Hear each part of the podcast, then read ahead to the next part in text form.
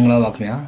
တနင်္သာရီသတင်းအစီအစဉ်ကနေကြိုဆိုလိုက်ပါတယ်ဒီအစီအစဉ်ကို The Watch ဝိုင်းတော်သားတွေကစီစဉ်တင်ဆက်ထားတာပါဒီနေ့ဖေဖော်ဝါရီလ20ရက်နေ့မှာဖြစ်ပေါ်ခဲ့တဲ့သတင်းအကြောင်းအရာတွေတဲကပထမဆုံးတင်ဆက်ပေးချင်တာကတော့ကော်တောင်းကကြေးရွာ300ကိုထိန်းချုပ်ထားပြီလို့ပြည်သူ့ကာကွယ်ရေးပူးပေါင်းတပ်ကကြေညာထားပါတယ်ကော်တောင်းတွေကကြေးရွာ300ကိုပူးပေါင်းတပ်တွေကထိန်းချုပ်စိုးမိုးထားပြီလို့ကော်တောင်းပြည်သူ့ကာကွယ်ရေးတပ်မတော်အမှတ်1တပ်ရင်းကမနေ့ကထုတ်ပြန်လိုက်တာပါ ခမောက်ကြီးမြို့နယ်ကဝိုင်တင်းအေးမြမင်္ဂလာနဲ့တပ်ဦးမြိုင်တရာကြေးရွာတွေကိုကော်တောင်းတပ်ရင်း1 KNU နဲ့ကော်တူးလီတပ်မတော်ပူးပေါင်းအဖွဲ့ကထိန်းချုပ်ထားတာလို့ဆိုပါတယ်။အဲ့ဒီကြေးရွာတွေကိုဘယ်ချိန်ကစပြီးထိန်းချုပ်ထားတယ်ဆိုတာကိုတော့ဖော်ပြမထားပါဘူး။သူတို့ထိန်းချုပ်ထားတဲ့ကြေးရွာတွေမှာပြည်သူတွေအေးချမ်းစွာနေထိုင်လျက်ရှိတယ်လို့ထုတ်ပြန်ချက်ကဆိုပါတယ်။အဲ့ဒီရွာတွေကထိုင်းမြန်မာနယ်စပ်မှာတည်ရှိနေတာပါ။ကရင်လက်နက်ကင်နှစ်ဖွဲ့အများဆုံးစစ်ဆက်ဆွေးနွေးကြဖို့ကရင်ပြည်သူတွေထပ်ပြီးတောင်းဆိုလိုက်ပါပြီ။ တနင်္သာရီတိုင်းကကရင်လက်နက်ကင်တပ်ဖွဲ့နှစ်ခုထိတ်တိုက်ထပ်မဖြစ်စေဖို့အဓိကခေါင်းဆောင်တွေစစ်ဆက်ဆွေးနွေးရေးအများဆုံးလုပ်ကြဖို့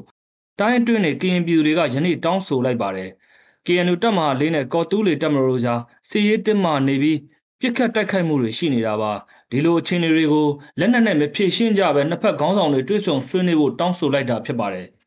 ပြပရောက်ကရင်အဖွဲ့အစည်း46ဖွဲ့ကလည်းတိုင်းထဲနေကရင်ပြည်သူတွေရဲ့တောင်းဆိုချက်ကိုထောက်ခံတယ်လို့ထုတ်ပြန်ထားပါတယ်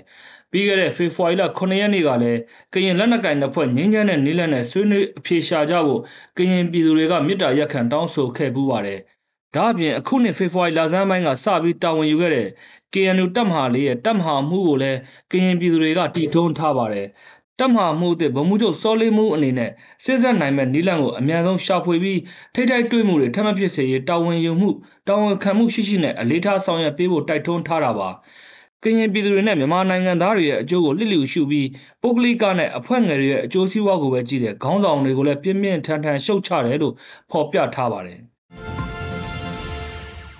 တနင်္သာရီနဲ့ပလောမှာပြည်သူ့ကာကွယ်ရေးရဲဘော်တို့ကြာဆုံးခဲ့ပါတယ်။ တနင်္သာရီမြို့နယ်ဗန်လောရွာမှာဖေဖော်ဝါရီလ18ရက်နေ့ကဖြစ်ပွားခဲ့တဲ့တိုက်ပွဲမှာလက်နက်ကြီးကြီးထိမှန်ပြီးပြည်သူ့ကာကွယ်ရေးတပ်ဖွဲ့ကရဲဘော်တအူကြာဆုံးခဲ့ပါတယ်။ဗမ်မလိုက်ပျောက်ကြားတပ်ဖွဲ့ကအသက်33နှစ်အရွယ်ရဲဘော်မရင်ကြီးနှစ်ကြာဆုံးခဲ့တာလို့ဆိုပါတယ်ဖေဖော်ဝါရီလ18ရက်နေ့ကလည်းပလော့ပြည်သူ့ကာဝေးတပ်မတော်တရင်တစ်ကအသက်22နှစ်အရွယ်ရဲဘော်သားဖြိုကြာဆုံးခဲ့ပါတယ်ရဲဘော်သားဖြိုဟာမိုင်းတရင်မတော်ဆဖြစ်ပြီးကြာဆုံးခဲ့တာပါ တနင်္သာရီတိုင်းကပလောနဲ့တနင်္သာရီမြို့နယ်ကိုစစ်ကောင်စီကစစ်အုပ်ချုပ်ရေးကြီးညာထားပါတယ်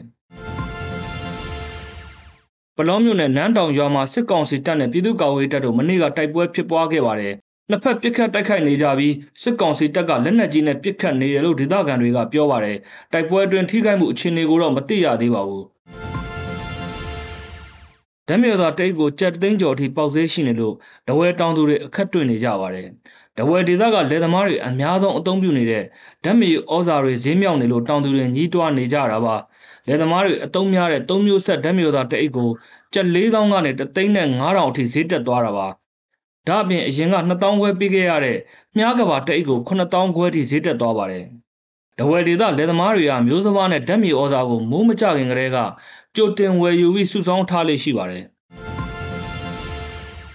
ထိုင်းကိုလာတဲ့နိုင်ငံသားတွေကိုဘတ်300အခွန်ကောက်မဲ့အကြောင်းဆက်ပြောပြသွားပါမယ်။ထိုင်းနိုင်ငံကိုလာရောက်တဲ့နိုင်ငံတကာခရီးသွားတွေကိုဇွန်လ၁ရက်နေ့ကစပြီးဝင်ကြေးဘတ်300ကောက်ခံတော့မယ်လို့ထိုင်းဆိုရကကြေညာလိုက်ပါတယ်လေကြောင်းလိုင်းကတဆင့်ဝင်ရောက်လာတဲ့ခရီးသွားတွေစီကနေကောက်ခံသွားမယ်လို့ဆိုပါတယ်။အိန္ဒိချင်းနိုင်ငံတွေရဲ့နေဆက်ဂိတ်တွေကနေဝင်လာသူတွေကိုတော့ဘတ်150ကောက်ခံသွားမယ်လို့ဆိုပါတယ်။ကောက်ခံရရှိတဲ့အခွန်ငွေတွေကိုခရီးသွားလုပ်ငန်းဖွံ့ဖြိုးမှုအတွက် အသုံးပြုသွားမဲ့အပြင်ခရီးသွားတွေထိုင်းနိုင်ငံအတွင်းနေထိုင်ခြင်းကျန်းမာရေးနဲ့အာမခံကိစ္စတွေအတွက်ထောက်ပံ့ပေးမယ်လို့ကြေညာထားပါတယ်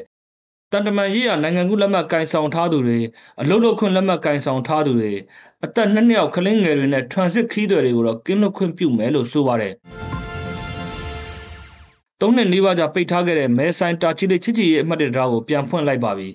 ကိုဗစ်ကပ်ဘေးကြောင့်သုံးနှစ်နီးပါးပိတ်ထားခဲ့တဲ့ ထိုင်းမြန်မာနယ်စပ်မဲဆိုင်တာချီလေးချစ်ချီရဲ့အမှတ်တရကိုဒီကနေ့ပြန်ဖွင့်ပေးလိုက်ပါပြီနယ်စပ်တရားပြန်ဖွင့်ဖို့ထိုင်းနဲ့မြန်မာနှစ်နိုင်ငံအကြိမ်ကြိမ်ဆွေးနွေးပြီးပြန်ဖွင့်ခဲ့တာလို့ဆိုပါတယ်။မြောက်ရီမဲဆောက်ချစ်ကြည်ရေးအမှတ်၁တရားကိုတော့ဇန်နဝါရီလ12ရက်နေ့ကဖွင့်လှစ်ခဲ့ပြီးဖြစ်ပါတယ်။မဲဆိုင်တာချီလေးချစ်ကြည်ရေးတရားကိုမနက်6နာရီကနေညနေ6နာရီအထိဖြတ်တန်းဝင်ပေးထားပါတယ်။ ကိုဗစ်ကာဝယ်ဆေးအပြည့်အဝထိုးရတဲ့လက်မှတ်မိတ်တူနိုင်ငံသားမှတ်ပုံတွေနဲ့နေဆက်ဂိတ်မှာယာယီဖြတ်တန်းဝင်လက်မှတ်လုပ်ပြီးဝင်ထွက်သွားလာနိုင်တယ်လို့ဆိုပါတယ်။